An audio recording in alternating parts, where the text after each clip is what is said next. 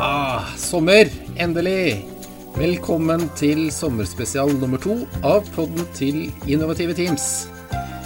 Vi har nok ikke laget noen nye episoder til deg i sommer, men isteden så tenker vi å sende om igjen noen av de episodene som har vært mest populære, altså da har fått mest antall lytt, sånn at vi kan holde litt ved like denne praten, dialogen om eh, team og ledelse. Så med det så ønsker vi dere deg en riktig god sommer.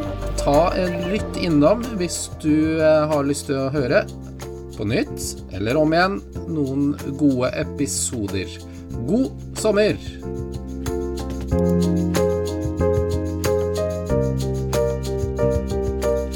Yes, denne episoden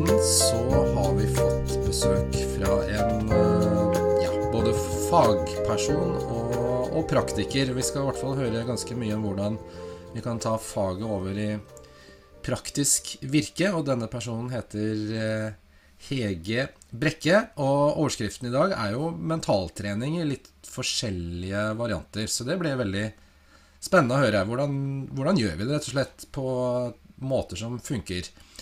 Eh, Hege, hei. Hallo, hallo. Si litt først, Hege. Hvem er Hege Brekke?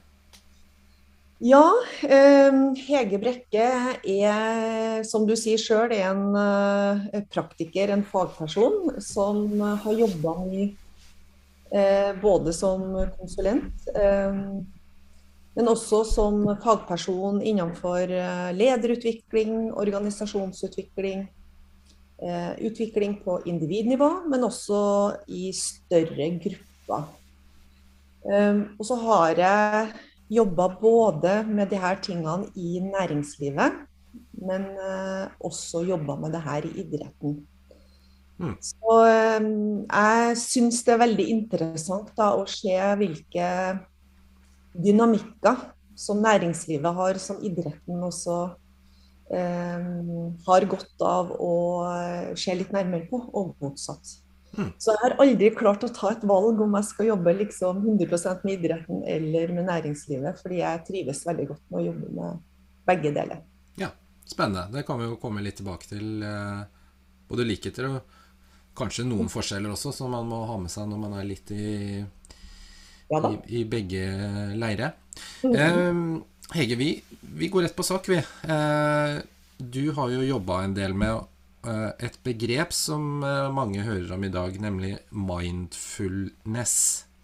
Og da tenkte jeg endelig kan jeg høre med en ekspert. Hva, hva er egentlig greia med mindfulness? Hva er det? Funker det? Funker det ikke? Hva funker det til? Hva funker det ikke til? Og så videre. Mm. Ja, det er et eh, godt spørsmål, og eh, jeg tolker jo spørsmålet ditt at du tenker på mindfulness i forhold til mentaltrening eller eh, lederutvikling. Da. Um, men mindfulness, altså hvis du tenker sånn innenfor psykologien, da, så handler jo det om å være bevisst til stede og oppmerksom i det som skjer i øyeblikket. Eh, og at du skal møte det med en litt sånn eh, åpen og vennlig holdning. Mm. Hvorfor er det viktig? Eh, så nå begynner vi jo liksom å gå i dybden her med en gang, da, fordi mindfulness kan jo selvfølgelig være veldig mye. Men hvis du ser på mindfulness eh, som en metode da, for å eh, fremme gode prestasjoner, så er det noe med at gode prestasjoner det skjer når vi evner å være til stede her og nå. Mm. Eh, Og vi har jo en hjerne som eh, er veldig glad i å gå både frem i tid og bak i tid. Eh, Og du kan tenke deg da en fotballspiller som går ut på en bane og gjør en stor feil etter bare noen få minutter. Og du hører liksom hele publikum lager lyder, og, og, du merker liksom at oi, nå har jeg gjort den feilen. Hvordan klarer da en fotballspiller å nullstille, sånn at en er til stede i øyeblikket mm. eh, for å levere gode prestasjoner? Mm. Så um, mindfulness, altså det handler jo også om Du kan jo på en måte eh, praktisere mindfulness uten at du linker det til gode prestasjoner. Men eh, mindfulness kan jo også brukes i næringslivet på en leder som sitter i et møte, eller trenger ikke å være en leder, det kan være en medarbeider også. Men hvor ofte er det ikke at vi sitter i møter, og så er det noen som prater, og så har vi egentlig ikke fått med oss hva vedkommende sier. Fordi vi mm. sitter og tenker på neste møte som vi skal holde et foredrag, eller vi hjernen driver da og reiser litt fremover og forbereder oss på noe som skal skje. Mm. Så eh, veldig enkelt og kort forklart da, så kan vi bruke mindfulness til å være sånn til stede i øyeblikket for at vi skal f.eks. gjøre en god prestasjon. Mm. Nærvær, er det, er det, et godt uh, norsk og god norsk oversettelse, eller? Absolutt. Mm. Det, er jo, det, er jo, det det er. Det handler jo om å være til stede her og nå. Liksom å registrere hva er det som faktisk skjer. Mm. Um, og så skal det også sies det at altså det her er kanskje litt mer komplekst enn det jeg sier nå. fordi hvis vi tar det tilbake til den der fotballspilleren f.eks., så er det jo viktig også å skjønne når er vi på en læringsarena, og når er vi på en prestasjonsarena. Mm. Fordi når vi er på en læringsarena, så skal vi reflektere litt. Vi skal på en måte pushe oss litt opp mm. eh, mot eh, de øverste grensene på hva er det vi er komfortable med å gjøre. Eh, og da bruker vi en del av hjernen som er litt tregere, som reflekterer mer, som lærer mer. Mm. Men når du spiller en fotballkamp, så er det ikke det du skal gjøre. Da skal du bruke den andre, eller da skal du bruke en annen del av hjernen som går mer på autopilot. Den finta som du har holdt på gjort i 15-20 år, den sitter automatisk uten at du tenker over det. Mm.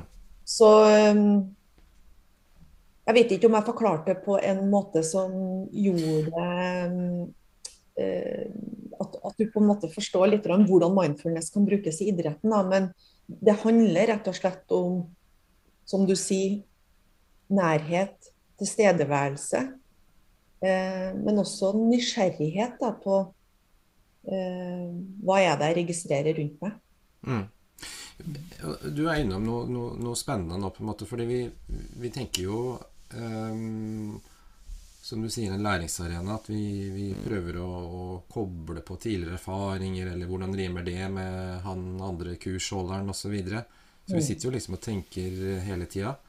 Mm. Um, men så sier du noe som er veldig spennende, dette med litt den sånn automatiserte måten å tenke på, som jo kanskje ligner litt på det Kanemann eh, drar inn med tenke fort og tenke langsomt. Er det, er det noe der? På en måte å rydde unna alle tankene for bare å være litt i sånn sonen? Ja. Og så Vi vet jo det at uh, vi mennesker i dag, vi, vi, går jo veldig mye på autopilot. Altså, vi har jo, Hjernen vår er jo laga sånn at vi Selvfølgelig så kan vi stoppe opp og reflektere, men uh, Eh, vi må bruke dessverre mye av autopiloten vår for å på en måte få til å gjøre alt det vi skal gjøre. Mm. Eh, jeg bare skal tenke meg veldig godt om hvordan jeg skal løfte en kaffekopp, og hvordan jeg sakte, men sikkert skal ta det til munnen. Altså, det fungerer ikke sånn. Så derfor så er vi Det er litt sånn misforstått det der at den ene Altså det at du tenker hurtig, da, at det er så negativt. Fordi vi er helt avhengig av å bruke det for å overleve. Mm. Men du må ha kunnskap om hvordan hjernen fungerer, sånn at du vet når er det jeg skal bruke hva. Mm. Eh, og jeg, når jeg jobber med idrettsutøvere da, og jeg snakker litt om dette her, så, så, er det ganske mange som blir overraska over at eh, er du på en læringsarena eller er du på en prestasjonsarena, så er det ulike måter å bruke hjernen på. Mm. Eh, og mindfulness er jo en metode kan du si, til å på en måte få frem de tilstandene som du ønsker å få. da. At ikke du er kanskje overtenkt, Mm. Eller at du er for avslappa, sånn at du eh, ikke klarer å komme i den modusen du skal være. Så um, ja. Ja, nei, men eh, det rimer jo bra, det. Og vi, vi nærmer oss jo ganske fort, eh, Hege, litt sånn eh, hvordan. Og du er allerede litt inne på det. At det handler jo om, handler om en bevissthet først og fremst. Da. Hva står jeg i, og hva står jeg overfor? Du Mm. nevner jo to. eh, Ganske grovt, da. Læringsarena eller prestasjonsarena. Mm. Ehm, og det aner meg jo kanskje at uh, læringsarenaen så skal du kanskje grave litt i, eller bevisstgjøre tanken, mens i prestasjonsarenaen så skal ting gå litt fortere på den automatiserte måten. Men Mm. si litt mer, Hege, og, og gjerne bli veldig konkret nå, fordi det å ha et nærvær, det hører vi jo, det, det er bra. Så Mm. hvordan i all verden skal vi få det til? Hvordan kan, hvordan kan jeg bli bedre på økt nærvær? Ja. Ja, det var et veldig godt spørsmål. Eh, og så igjen må jeg tilbake til mindfulness. Da, hva er det vi skal bruke mindfulness til? Fordi Mm. det finnes jo de som eh, altså jobber 100 med mindfulness, og som har spesialisert seg på det, eller som lever et liv som er opptatt av å ha en mindful tilstedeværelse. Eh, så hvis vi snakker i den gata at eh, vi ønsker å innføre den eh, tilstanden i alt det vi gjør, så er det jo en levemåte. Mm. Men hvis jeg skal knytte til hvordan du da kan bruke de her mindfulness-metodene eh, for, eh, for å oppnå et eller annet, og da er det jo spørsmålet hva er det du ønsker å oppnå. Sant, ja?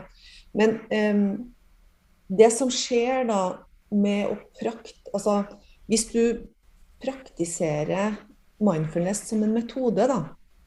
Hvis vi skal redusere det til det, eh, bare for å få forklart litt, så vil du jo når du sitter og mediterer, Mm. så vil du egentlig bare ha fokus på pust. Mm. Og det veldig mange erfarer da, det er at det kommer tanker. Og vi har jo ca. 8000 tanker som kommer om dagen. Og de fleste tankene, de er negative. Og de aller fleste tankene er repetativ. Mm. Så er det jo noe med at når vi sitter og, og får de her tankene, så er det veldig mange som føler på ubehag. Fordi de føler at de ikke får til å meditere, for det kommer jo så mye tanker hele tida. Mm. Det er jo det denne metoden går litt på, at du skal egentlig bare Oi, nå kom den tanken. Og så skal du egentlig bruke pusten til å på en måte komme tilbake i nuet. Så skal du la tanken få gå. Uten å ta ned tanken, og skal begynne å analysere hva er dette her. For det er sånn hjernen vår er skrudd sammen, at vi driver hele tida har en sånn indre dialog med oss sjøl. Mm. Så eh, jeg vet ikke om det var dette her du var på jakt etter, men når du sitter og mediterer, da, så får du noen aha-opplevelser på hvilke tanker som kommer, og så skal du prøve å la dem gå som en sånn sky på himmelen, og så skal du tilbake til pust. Og så Mm. høres det veldig enkelt ut, og så er det veldig vanskelig. Men hvis du mediterer over tid, for det er litt viktig å si da, at hvis du mediterer over tid, så er det faktisk forskning som viser at det er deler av hjernen som endrer seg. Og det er den delen som altså, eh, som handler automatisk. At hvis jeg på en måte blir sint, at jeg blir fryktelig sint med en gang. Mm. Der- Derfor så er det jo studier som, som viser til at meditasjon kan brukes til å få litt distanse mellom når du får en stimuli og en respons. da. Mm. Så som jeg sier til en håndballspiller eller fotballspiller, da, at hvis du har snakka på deg et rødt kort, så er det et eksempel på der du har opplevd noe, og så handla du før du egentlig fikk tenkt deg om. For du skjønner jo at det er dumt å snakke på deg et rødt kort. Mm. Så stikkordet er meditasjon, rett og slett? Da, og, og trene seg i å la tankene flyte. Og dermed så blir du bedre i de, disse arenaene vi snakker om òg, som vi skal komme litt tilbake til. Ja, altså, Det som er kanskje en liten misforståelse, som jeg har lyst til å være litt tydelig på da, i forhold til mental trening og meditasjon eller mindfulness. Da. Det er veldig mange som tror at mental trening det handler om å fjerne ubehag. Mm. Det å fjerne eh, tanker du ikke vil ha. Det å snu negative tanker til positive tanker. Mm. Eh, og det har jeg veldig lyst til å si at det er ikke det mental trening handler om. Nei. Fordi eh, til og med den verdens beste idrettsutøver i en gren kjenner på ubehag og nervøsitet rett før han skal sette utenfor en alpinløype eller gå et skirenn eller spille en fotballkamp. Mm. Men ment mental trening det handler om at du lærer deg verktøy og teknikker til å stå i ubehaget. Mm. Så at når følelsene kommer, så blir ikke du følelsene dine. Men gjennom meditasjon så lærer du deg at oi, der kom den følelsen.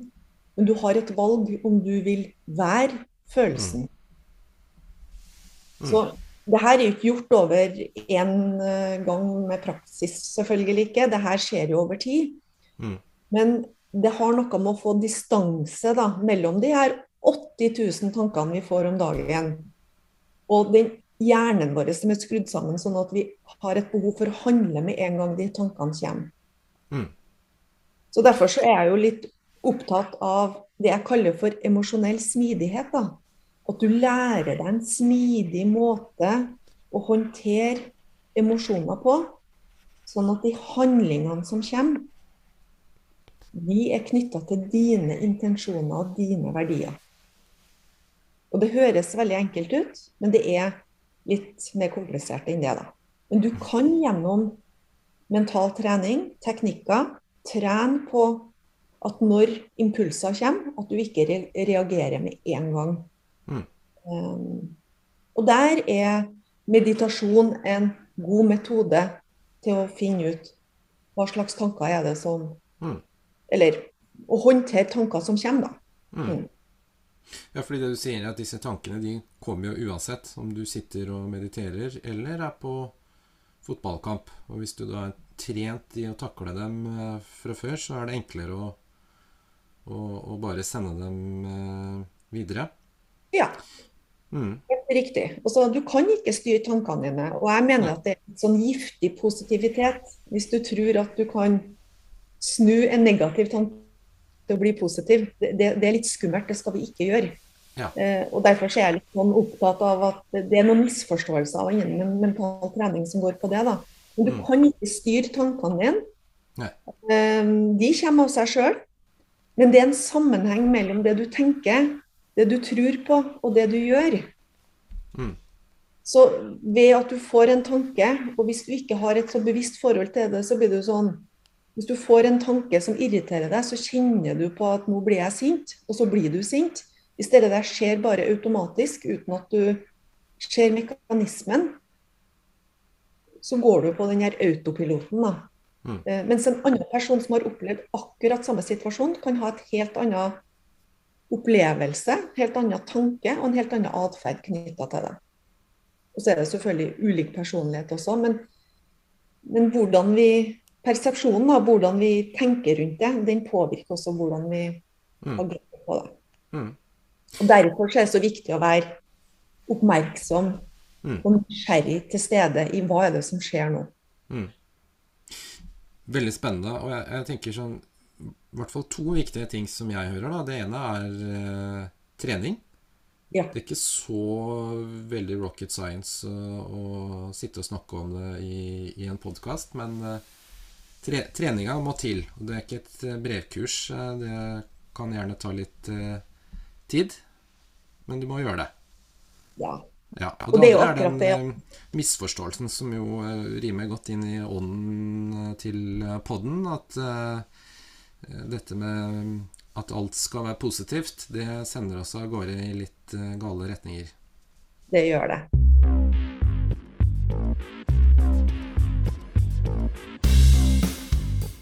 Ja, altså Det er jo det jeg sier til alle de jeg jobber med uh, innen mental trening, så er det sånn at det du trener mye på, det blir du god på. Mm. Så, og idrettsutøvere forstår dere der. De forstår det at skal de forbedre muskelmasse eller kondisjon, så er det mengdetrening som må ligge bak. Og sånn er det med mental trening også. Um, og, og, vi forstår ikke hvor automatisert hjernen vår er. Så det, det må være mengdetrening bak den automatikken som skjer i hjernen, og atferd, handlinger. da. Mm. Og vi alle sammen har jo opplevd eh, situasjoner som er f.eks. at vi har vært på jobben, og så har vi opplevd noe på jobben som enten såra oss eller gjorde oss sint eller lei oss. Eller vi fikk en eller annen form for reaksjon. Og så gjør ikke vi opp den der, men vi tar det med hjem. Og så møter vi barna våre, og så mm. har vi veldig kort lunte på et eller annet. Og så handler det egentlig om noe som har skjedd før. Og det, det, her skjer hele tida. Mm. Mm. Hvor ofte skal vi meditere da, og hvor, hvor, lenge? Hvor ofte, hvor lenge? Det er litt sånn trening. Hvor, hvor, mye skal vi trene? Ja, altså, jeg tenker sånn Mental trening er jo flere ting enn eh, en meditasjon. Så det er veldig vanskelig å si eh, at, at gjør du det så ofte, da, da skjer det underverker, liksom. For det har noe med å Er du helt utrent i det å meditere, så tror jeg det er litt repende å begynne med 30 minutter og sitte og bare ha fokus på pust. Da, mm. da tror jeg du rett og slett slutter med det. Du kommer ikke til å gjøre det. Så når jeg møter enten ledere fra næringslivet eller idrettsutøvere som ønsker å komme i gang med mindfulness-trening, så, så, begynner jeg de små, og så øker vi, mm. og så øker vi, og så mm. øker vi. Det er som annen trening at du på en måte du må begynne litt, få litt erfaringer med det. Litt veiledning også på hva er det som er vanskelig. Fordi det er jo flere måter å utføre mindfulness-meditasjon på. Mm. Um, du kan selvfølgelig sitte på ei pute og, og, ha fokus på pust. Men du kan jo også drive med kroppsskanning som en annen form. Eller du kan gå ute i naturen og tenke at nå skal jeg bare trene ti minutter på å se hva er det jeg ser, hvilke lyder er det jeg hører, hvilke mm. lukter er det jeg kjenner. Det er også en form for trening. Mm. Det, det, er mange ulike måter å trene det her på. da. Mm. Men det handler om hvor mye er til stede nå. Og f.eks. Mm. et møte. Neste gang du skal i et møte, så skal du tenke at nå skal jeg virkelig trene på å være til stede på det som blir sagt. Mm. Når jeg stiller spørsmål, så skal det være oppfølgingsspørsmål i forhold til ting som har blitt sagt. Mm. Så um, um, jeg har ikke noe sånn fasitsvar på hvor mye, men det er klart at skal du ha den endringen i hjernen som en del forskning viser, så må du drive på med det her over en lengre periode. Mm. Det skjer ikke etter tre-fire ganger. Nei. Det er jo et godt tips at man ikke begynner på de hardeste intervalløktene med en gang hvis man er uh, utrent. Mm. Det eneste som skjer da, at man uh, legger det bort. Ja. ja. Og så, så, finnes det jo veldig mye fine apper i dag mm. som har ulike kan du si sånne uh, snakk igjennom meditasjon, avspenning og sånn. Um, men til dem jeg jobber med, så, så sier jeg egentlig til dem at legg dem litt bort. Mm. Fordi det er en form for stimuli, og det å høre på en stemme også som guider deg gjennom ja. å gjøre noe. Mm. Og den beste treninga er faktisk det å bare sette seg i en riktig eh, stilling, sånn at pusten på en måte får flyte godt. Eh, kjenn litt hvor er ditt pusteanker, som kan være i nesa, i halsen, brystet, magen. Mm. Og bare pust helt naturlig din pust. Og så setter du på Eh, f.eks. fem minutter første gangen eller sju minutter. Sånn at du driver og kikker på klokka, har det gått lang tid nå. Men bare begynn i det små mm. med den type trening. Ja, veldig bra. Tror jeg skal prøve igjen. Jeg er en av de mange som har eh, prøvd og, og lagt ja. det bort. Jeg får et godt ja. tips nå. Det, jeg prøvde jo med en app, og det eneste som Det hjalp meg jo i å begynne, men jeg merka jeg satt jo hele tida og tenkte på denne stemmen som skulle komme. Og ja. Ble distrahert. Det var et godt tips. Eh, veldig spennende, Hege. Eh, og vi, vi, hører jo at det er mange som også her, da. Mange veier til ro, men det viktigste er kanskje bare å begynne å, å gjøre det. Finn det som mm. passer for deg. Mm. Eh, så, så, så, kommer endringen. Eh, før vi Eller som en slags overgang, liten overgang kanskje, til eh, lagidrett. Mm. Som du har jobba mye med. Eh, og eh, næringsliv og organisasjonsliv er jo lagidrett, så sånn sett så er det jo en Kan vi jo ha med mindfulness og mentaltrening i begge, som jo er det også du gjør. Um, men uh, klarer du, Hege Vi, vi, vi snakka jo om meditasjon nå, som vi, kanskje er noe man fortrinnsvis gjør aleine. Mm. Uh, og så er mye av det vi snakker om i poden her, er jo det å gjøre noe sammen med andre. Altså mm. kanskje si et slags for sosialt nærvær. Um, har du noen tips der, da? Mentalt kanskje Og det er jo litt overgangen også, da. Mentaltrening eh, i, mm. i lag. Mm.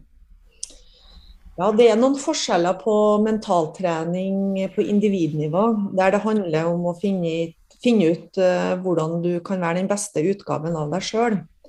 Mm. Uh, og det å jobbe med mentaltrening uh, med et håndballag eller et fotballag. Fordi når du jobber jobber med et lag, så handler det om hvordan kan vi være best mulig sammen. Mm. Eh, og jeg har jo erfaringer med det både fra håndball og fotball.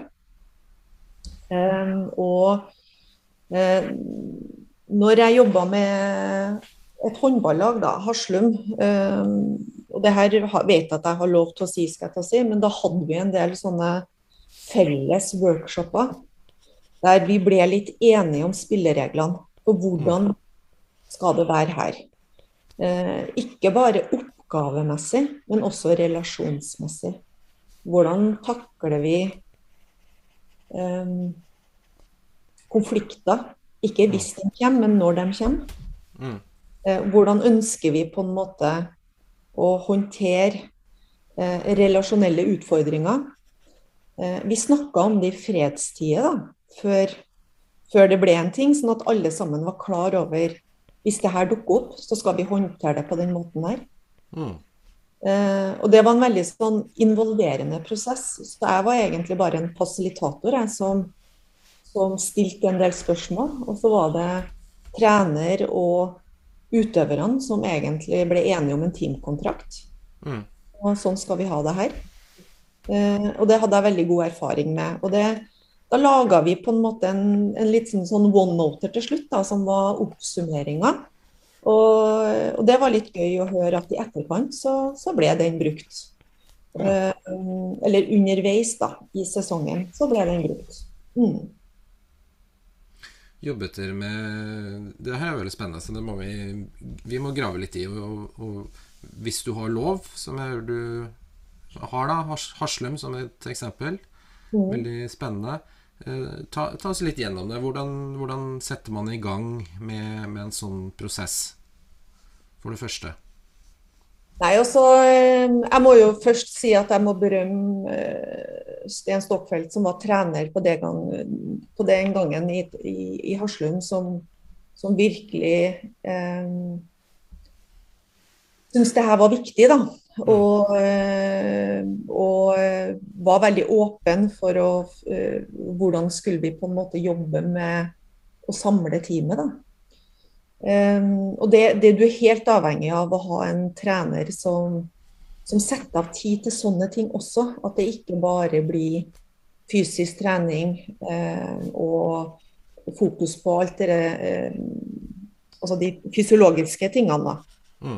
Det, og det kosta jo også litt av spillerne som eh, både var studenter eller jobba, og, og, etter trening når de var sliten, så skulle vi sette oss og ha en workshop på to timer. Eh, så, så du, du, investerer. Mm. Og det vil jeg si liksom Det er jo, det er jo teamet, eh, gruppa der, som, som legger i den tida, som sier at det her er viktig. Og uten den motivasjonen, så får ikke dette her til å skje. Så har ikke du en trener som ser viktigheten av det, eller spillere som er motivert til å bruke fritida si litt på det der, så, så skjer ikke det. Men når det, så, Ja, du må Altså, jeg, som mentaltrener så kan jeg aldri endre andre. Jeg kan fasilitere utviklingsprosesser, mm. men uh, viljen må ligge der. Motivasjonen og viljen må ligge der sjøl. Ja. Uh, men når det er sagt, da, så så hadde jeg jeg sørga for at de fikk lov til å ta reelle problemstillinger som var aktuelle for dem. da. Så Jeg kom ikke med et opplegg som var basert på min verden, men jeg stilte en del spørsmål sånn at deres verden på en måte ble agendaen. Mm. Um, og når vi tok helt konkrete ting, så ble jo de engasjert fordi det traff dem. Mm. Fordi det her var jo noe som de la merke til, men som vi aldri har tid til å prate om. Og det er jo det som ofte skjer også i næringslivet, syns jeg. at mm når vi jobber med team og grupper og sånn. Vi er opptatt av prestasjonsteam i næringslivet også. Men det tar tid å bygge relasjoner, da. Mm. Og hvis ikke du tar deg tid til det, så, så får du bygd de relasjonene som, som, er avgjørende for å faktisk få et prestasjonsteam. Da. Så eh, kort forklart, da. Vi hadde ulike ting vi gikk gjennom. Alt fra teamkontrakt til eh, hva er målsetningene våre? Eh, og så brøyt vi ned egentlig Så vi litt bort fra resultater, ble mindre opptatt av det. Mm. Og prøvde heller å snakke om hva slags prestasjoner vil vi ha. Ja. Og Det var mye enklere da når vi i garderoben eh, før kamp og etter kamp, når vi evaluerte, begynte å snakke om fikk vi til de her prestasjonene som vi var, var enige om at vi skulle ha. Så vi laga jo på en måte en, en overordna plan for sesongen og regler og sånne ting. Men vi hadde jo også en, en litt sånn miniversjon før hver kamp, der vi samla i garderoben. Mm. Og så igjen da, så involverte jeg spillerne, sånn at det ikke var jeg som sto og prata, men de rullerte to og to spillere som da gikk gjennom OK, i dag skal vi møte den motstanderen. Hva er viktig da? For det kan være forskjell fra motstander til motstander. Mm. Og det som var veldig gøy å se, det var jo at før vi begynte med det der, så var det veldig mye trenerne som sto og prata om hva som skulle gjøres. Mm. Og spillerne satt veldig stille og hørte på. Det var litt sånn leder, medarbeider sånn, og, og makt litt stor forskjell. Til at når spillerne tok litt den rollen, så ble jo spillerne mye mer aktive. Mm. Og det der jeg mener at du må ha en trener som er ganske mentalt tøff, og som tør å gi fra seg litt eh, makt. Mm. Eh, men det som var gøy når vi evaluerte sesongen, så var jo akkurat dette her det som kom eh, positivt ut. da. At ja. de følte at de var mye mer involvert i hva er det som er gode prestasjoner i den kampen her. Og så hadde vi en evaluering rett etterpå. Mm. Mm. Spennende. Eh, mm. og du nevner jo mange punkter som, eh, som vi kan ha med oss, og som ligner jo eh, ganske bra på det også Svein Målen, tidligere fotballtrener, trakk opp i en tidligere mm, pod-episode. Ja. Mm. Eh, og Hege, for de av oss som ikke kjenner håndball så godt, eh, funka det? Altså, det må du jo nesten snakke med dem om, skal jeg til å si. Men eh, jeg fikk jo Vi fikk jo gode tilbakemeldinger på prosessen, i den forstand at de følte at de var mye mer involvert. At de ikke ble passive, at de på en måte fikk være med. Og så gjør det noe med gruppa at det, man bytter på hvem som skal fasilitere det her, da. Mm. Eh, og, så, og, så, er det jo ikke sånn at treneren ikke har noe skal si. Altså, det var jo sånn at Før hver kamp så har du et spillemøte der du går gjennom motstanderen, og, og treneren sier jo litt kan, hva han vil at man skal ha fokus på. Men det vi så da, det var et skifte på passivitet, aktivitet. I forhold til at man, spillerne tok mye mer ansvar eh, på de avtalene som ble gjort. Mm. Eh, så det syns jeg var litt fascinerende, da.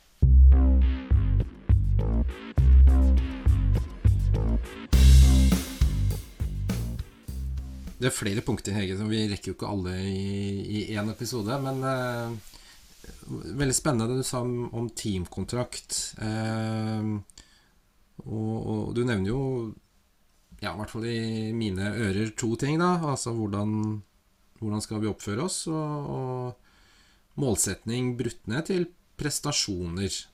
Eh, og det, det syns jeg er et godt tips. Uh, så gjør det enkelt. Liksom, kan ha to overordna ting som jo kan innebære mer. Og, og, og så litt til dette mere kontra enkelt. Altså du nevner at dere lagde en teamkontrakt, og så hadde dere en miniversjon som kanskje da skulle være lettere å hente opp sånn underveis. Si litt mer om det. Altså, Vi hadde en teamkontrakt for sesongen, kan du si. Mm. Eh, som gikk på oppgaver og relasjoner. Hvordan skal vi ha det her? Hva er målene våre? Hvordan skal vi nå dem? Også de vanlige tingene eh, som er med i en teamkontrakt.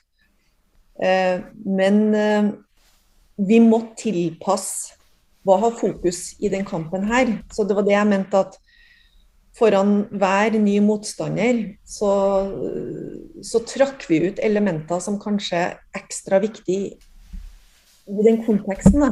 Mm. I en teamkontrakt blir jo fort litt generell. Eh, men når du møter en, eh, en motstander, så er det kanskje Møter du motstander A, så er det kanskje enkelte elementer som er mer viktige enn når du møter motstander B. Så, så, der ble det sånn at man trakk ned elementer sånn at akkurat mot laget her, så er det ekstra viktig, de her tingene. Så fikk du jo repetert litt hva er det avtalen har gått Altså hva er avtalen vår? Eh, men du fikk det litt sånn top of mind da, før du skulle ut og gjennomføre denne prestasjonen. Mm. Så eh, mm. Og så hadde vi en evaluering rett i etterkant også. Ja. Mm. Mm. Og da får du veldig en sånn tydelig Evna vi å gjøre det vi blir enige om? Holdt vi oss til planen? Mm. Um, og, så, og, så, er jeg jo litt sånn som Jeg brenner veldig for å forstå forskjellen på resultat og prestasjon. da, fordi jeg vet jo det at ordet prestasjon det kan jo også være litt negativt lada i enkelte miljøer, fordi man har lært seg til at det er et mestringsorientert fokus som er, som er viktig. Men for meg, da, bare for å presisere det, så hvis du har et resultatfokus, da har du et fokus på å vinne f.eks. 3-0. Eller i næringslivet så har du et fokus på å omsette for x millioner. Det er et resultatfokus. Mm. Men prestasjonsfokus, da bryter du ned det i hva må jeg gjøre av atferd, handlinger, for å på en måte være den beste utgaven av meg sjøl. Mm. Så har du et prestasjonsfokus, så kan du faktisk tape en kamp, men du kan ha gjennomført en veldig god prestasjon. Eh, eller du kan vinne en kamp, men egentlig så har prestasjonen vært dårlig. Så jeg føler jo at der syns jeg idretten er litt bedre enn næringslivet. Mm. Der er det Jeg har sett så mange strategidokumenter der det er resultat, resultat, resultat. Mm. Og så står det veldig lite om hvordan skal vi få til det her. Det er jo en av de tingene jeg jobber veldig med ute i næringslivet også. Det er å hjelpe kundene mine til at jeg forstår dere har de resultatmålene her, men hva er gode prestasjoner her hos dere? Mm. Hvordan kjenner dere igjen det? Mm.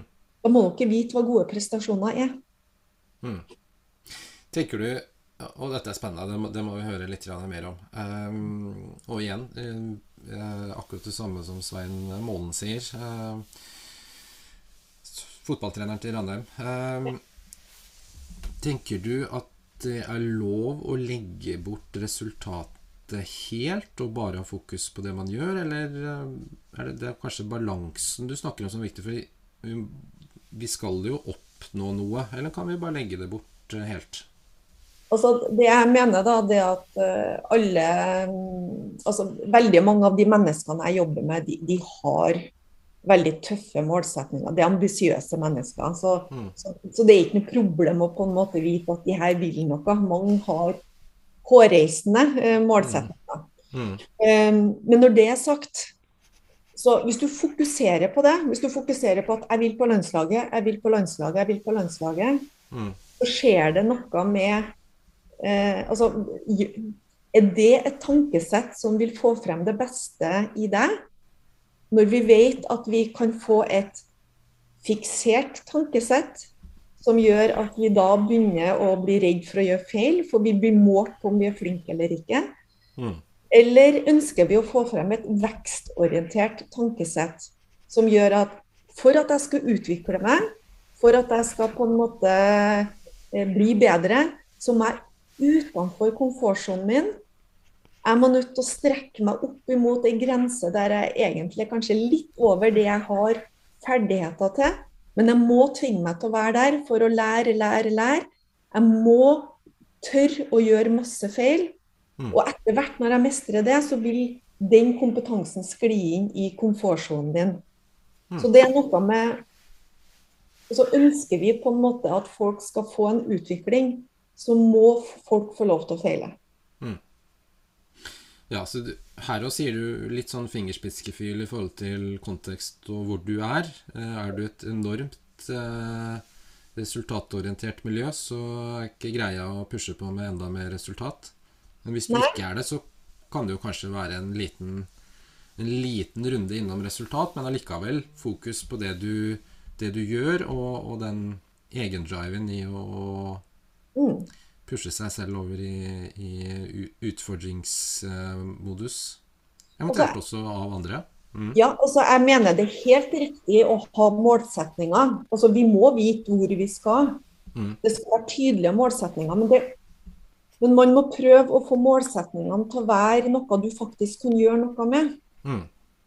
Altså Hvis du er en fotballspiller eller håndballspiller, da, så jeg hørte jo faktisk den podkasten som du hadde før med, med han som hadde forska litt på det. Men får ikke du spilletid, så er det vanskelig å ha en målsetning på at du skal ha masse spilletid. Så du må, du må mm. også ha en, en, en, et tankesett som gjør at du fokuserer på de tingene du kan gjøre noe med.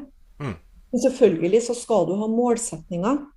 Men en god leder, da, eller en god trener, den evner jo å se alle i forhold til sitt utviklingsløp. Mm. Uh, uavhengig om du får spilletid eller ikke. Eller mm. kanskje du må spille på andrelaget for å være der en periode for at du skal utvikle de ferdighetene til at du på en måte kan spille Eliteserien eller uh, øverste divisjon. da. Mm.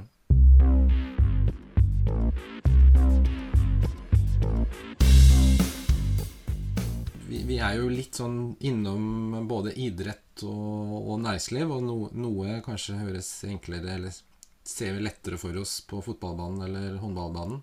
Mm. Um, si litt, og du, du, var jo så vidt innom det. Altså, denne måten å tenke på, og gjerne ha over i næringslivet nå, uh, fordrer jo at lederen må, må lede på en, på en, bestemt måte. Si, mm. si litt mer om det. Ja, altså jeg mener jo at Eh, nærmeste leder eller den treneren du har, er ekstremt viktig for uh, egen utvikling. Mm. Um, og hvorfor det? Jo, det handler jo nettopp om hva er det du belønner. Hva er det du får tilbakemeldinger på? Um, altså det, det du belønner, det du på en måte får tilbakemelding på, det setter i gang hvilket tankesett bl.a. du har, eller får som vi har vært innom på. Mm. Men hvis du også har en leder, da, som jeg mener jo det at i næringslivet så, så, så spiller vi altfor mye kamper, vi trener for lite. Eh, og der, så det mener jeg jo faktisk at idretten, toppidretten er bedre enn næringslivet. Eller der har næringslivet noe å lære av idretten. da. Mm. Eh, men, men, har du da en, en leder da, som legger opp et opplegg der du hele tida skal være på en prestasjonsarena, så blir du jo opptatt av å ikke gjøre for mye feil, fordi du mm. blir målt på om du er dyktig eller ikke i akkurat det møtet. Så, så det her er viktig å ha en god dialog med din trener eller din leder. Altså, eh, fordi du skal ikke bare holde på å trene hele tida. Det er noen ganger Her er det en prestasjonsarena. Her er det et viktig møte med en viktig kunde. Det er ikke da du på en måte skal prøve noe nytt. Da skal du da skal du bruke de egenskapene og den ferdighetene du har, og mm. være den beste utgaven av deg sjøl. Og det gjelder både i næringslivet og idretten. Men det er så ekstremt viktig å ha en god relasjon til nærmeste leder, sånn at du skaper trygghet til når er jeg i en prestasjonsarena, og når får jeg lov til å være i en læringsarena? Så at jeg får utvikla meg. Ja. Og det du sier, er næringslivet der spiller vi kamp eh, nesten hele tida. Vi Ja. ja. Det, dessverre så har jeg Jeg har jo jobba i litt forskjellige selskap og, og, og også vært konsulent og vært rundt om i, i forskjellige selskaper. Og har møtt veldig mye flinke folk og veldig mange selskap som er gode på lederutvikling og organisasjonsutvikling. Men det har noe med den der tida, det har noe Mm. med det hamsterhjulet som, som næringslivet har. Eh, Der du skal multitaske, du skal gjøre masse, du skal, og så blir du leder, så det er nesten sånn at blir du leder, så, så skal du kan ledelse, uten Mm. at du nødvendigvis kanskje har eh, fått uh, trene så mye på det. Selv om det finnes masse lederutviklingsprogrammer, og, og det individuelt og coaching, og, og jeg driver jo med det sjøl også. Men det er noe med den der eh, Altså, når, altså jeg mener oppriktig da, at ledelse er ferskvare, og det er en ferdighet. Og er ledelse en ferdighet, så må du få lov til å øve på ting i Mm. trygge omgivelser. Um, og der tror jeg næringslivet har, um, har, har litt å hente. Mm. Ja, for det er ikke så mye rom kanskje for å være sårbar og Nei, altså Eller og noen, til, noen får det jo til, men, men hva, hva altså Når skal ledere få lov til å vise sårbarhet i forhold til lederrollen sin? da? Eh, noen har jo en coach som de går til, som de på en måte får hjelp, eller en mentor. Det kan være mulighet, mulighet. Eller så kan det være interne programmer. Men min erfaring det er at ledere ofte får veldig mye som de må håndtere, uten at de har så veldig mange å spare med. Da. Mm. Uh, og det, det er dyktige folk, det går ikke på det. Men vi alle mennesker vi trenger egentlig å ha tid til refleksjon. Eller tid til å snakke med noen for å reflektere litt hva er det jeg egentlig tenker om det her sjøl. Mm. Mm. Rett og slett. Eh, kanskje litt kobling tilbake til det første vi var innom også. Denne til å sitte og tenke litt, eller bare øve seg på å, bli venn med egne tanker. Det trenger kanskje ikke være så mer komplisert enn det, men det, Ja. det, det må gjøres. Og det er jo det jeg brenner også litt for, da. Fordi mentaltrening har jo kommet mye i idretten nå. Og så er det kanskje ikke så mye mentaltrening i næringslivet. Kanskje har det et annet ord. Kanskje heter det mer selvledelse. At det er det ordet som er nærmest mentaltrening. Jeg ser masse likheter mellom selvledelse og mentaltrening, i hvert fall. Men det må få plass. Mm. Eh, og hvis ledere i et stort selskap skal være gode på selvledelse, så må de lære hva selvledelse er. Og leder du ledere, så må du lære lederne under deg hva selvledelse er, hvordan du utøver det, og hvordan du skal utøve det videre. Mm. Mm. Kort og godt, veldig, veldig bra avslutning eh, der. Jeg må bare spørre veldig kjapt, før vi Ja. går over på siste punkt, som handler om eh, Det var et ord som vi ikke har vært innom ennå, eller vi var én eller to ganger, men eh, kanskje noen har forventa seg mer av, nemlig coaching. Det skal vi Mhm. komme raskt tilbake til etter følgende spørsmål. Mm. Eh, slipper ikke idretten helt, men vi må ha med overgang til næringslivet. Du nevnte teamkontrakt eh, og minivarianten som man liksom plukka opp før hver nye motstander.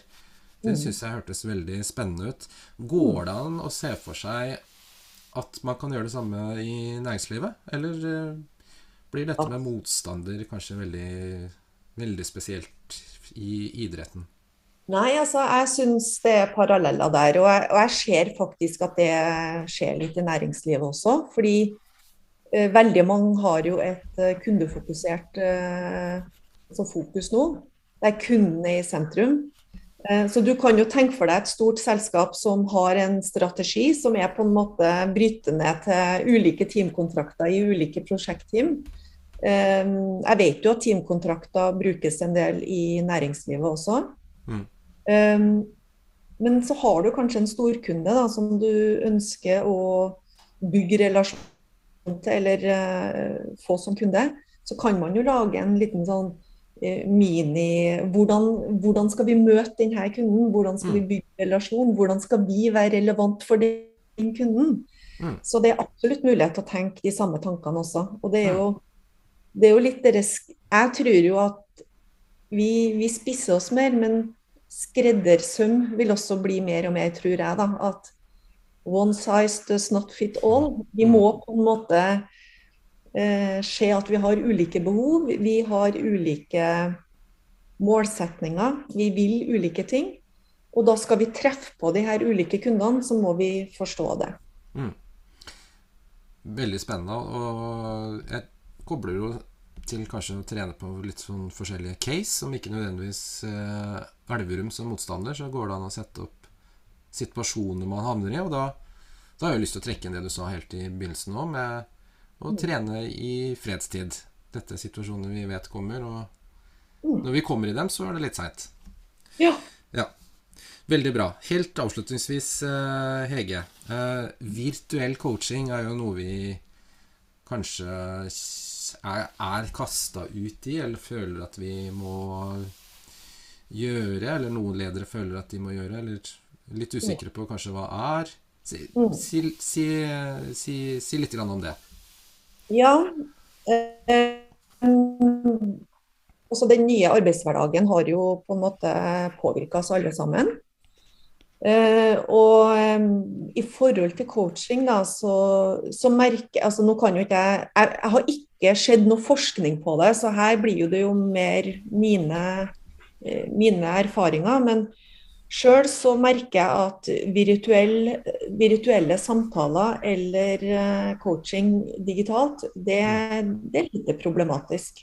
jeg opplever at folk syns egentlig det er veldig greit å kan koble på når det passer seg. Mm. Eh, så lenge det er to, det er liksom meg og deg, mm. så har vi den blikkontakten. Vi, vi klarer å lese hverandres eh, ansiktsuttrykk. og du, du, kan ikke gjemme deg bak på samme måte som når det er team ja. eller større grupper. Uh, men det er klart at vanskelige samtaler Altså det enkelte altså, var en vanskelig samtale. Men la meg si det på en annen måte, da. Hvis det er en samtale med en medarbeider som kanskje ikke fungerer helt i jobben, er i en sårbar situasjon, de her tingene, så har jeg villet prøvd å unngå å ta det digitalt. Mm. Da har jeg villet prøvd å få det til fysisk. Kanskje ikke sittet rett over hverandre heller, kanskje sittet ved siden av hverandre, sånn at du slipper å sitte og se hverandre rett i øynene. Mm. Men det krever en litt annen form for nærhet. Mm. Um, det jeg merker kanskje mer, det er når det er større team. Når du skal jobbe med uh, trygghet i team, og du skal bygge relasjoner. Da, da ser jeg noen utfordringer med virtuelle team. Og det, det snakkes det jo mye om i dag. Mm. Men der tror jeg man må ha en liten fin blanding på når hvilke møter er det greit å ta via Teams, eller at noen er på Teams og noen sitter på kontoret? Mm. Og hvilke møter må vi faktisk møtes fordi det kreves at vi er nærvær på en helt annen måte. Mm. Mm. Spennende at du sier at det er helt greit fram til en viss grense. Hvis det kanskje er uh, samtaler som er prega av følelser, eller uh, noen form for van vanskeligheter, så bør vi fortsatt velge fysisk. Men eh, bortsett fra det, så sier du jo at denne én-til-én eh, Kan vi bruke ordet coaching, da? Det, det, er helt greit, og det kan faktisk også være ganske bra, fordi man har man har jo dårlig tid, så bare det å få tatt en sånn eh, Ja, ordet coaching eller veiledning eller rett og slett bare en eh, prat én-til-én virtuelt, det funker ganske bra? Ja. Mm. Altså, det er min erfaring, i hvert fall. Men som mm. sagt, er det helt ny kunde eller en ny medarbeider du skal følge opp, eller som sagt, hvis det er sårbarhet knytta til ulike ting, så tror jeg jeg ville ha prøvd å få til det fysisk. Men når jeg sier fysisk, så trenger ikke å sitte og se hverandre dypt i øynene. Og, for, det, for, det, kan også det er ikke den beste måten å ha samtaler på hvis det er med litt sårbare tema, men det er noe med å være i nærheten. Det, det bygger trygghet, det bygger relasjon. Um, så det er noe med å skjønne når er det greit å bruke virtuelle uh, altså hjelpemidler, og når bør vi si at nå time, altså mm. Torsdag neste uke klokka ti, mm. da må alle sammen komme, for da skal vi ha en workshop som krever at vi faktisk fysisk er til stede. Mm. Det, det, tror jeg er viktig at ledere også evner å lede på den måten. Ja. ja, og igjen spennende og, og, veldig fint, tenker jeg, at du trekker inn denne kontekstforståelsen. Vi må vite eh, hvorfor og hvordan. Ikke, mm. ikke tilfeldig, og ikke avskrive enten det ene eller det andre, men vite når og til, til hva. Så kan vi bruke flere verktøy i dag enn vi kanskje tenkte var mulig for, uh, før pandemien, hvis vi skal mm. si det sånn. Ja. Hege Brekke, veldig bra. Det har vært en uh, veldig spennende prat. Uh, jeg tror at når praten er ferdig, så skal jeg prøve meg igjen på litt meditering. Jeg ble veldig inspirert. som en avslutning, Hege. Ja. Vi pleier å avslutte med litt sånn Skal vi kalle det tips, triks. La oss si når vi, vi, er en ledergruppe, eller i en gruppe, da, som mm. har lyst til å bli bedre på mentaltrening. Hvilke enkle mm. tips og triks vil du gi? Og så er jo mentaltrening så mye, da. Så um, har det vært en ledergruppe som har uh, spurt meg det spørsmålet, så har jo jeg kommet med ti spørsmål tilbake. Hva er det dere ønsker å oppnå? Hva er, effekt er det en ny ledergruppe? Er det en satt ledergruppe? Har dere hatt noen utfordringer? Altså, det er masse ting. Ja. Men um, når det kommer til gruppedynamikk, så handler det om altså, funger, altså, hvordan har vi det sammen? Hvordan er gruppedynamikken her? En ting er mentale verktøy for at jeg skal ha det best mulig, eller være den beste utgaven av meg sjøl. Men hvilke verktøy har vært bra da for å se på Eh, opplever du f.eks. den samme tryggheten som jeg opplever? Altså det vi kaller for psykologisk trygghet. Mm. Eh, så det har vært en fin måte til å eh, se litt på Fungerer vi sånn som vi ønsker å fungere, da? Ja. Um, jeg vet ikke om jeg var så konkret på det, men det er, det, det er masse man kan gjøre. Det er masse man kan gjøre. Men jeg tror jeg har villet begynt med dialog, på at alle sammen får sett litt Har tenkt litt hver for seg før man tar, eh, tar det felles. Men, men hva er styrkene med teamet her? Hva er det som fungerer bra? Og hva kan vi bli bedre på? Og se om er det noen likhetstrekk, eller er det veldig forskjellig opplevelse av hva styrker og svakhet Eller ikke svakheter, men eh, en forbedringspotensial i den ledergruppa her er. da. Mm. Ja, veldig bra, rett og slett. Hege Brekke, tusen takk for en spennende prat. Ha det bra. Ja, ha det.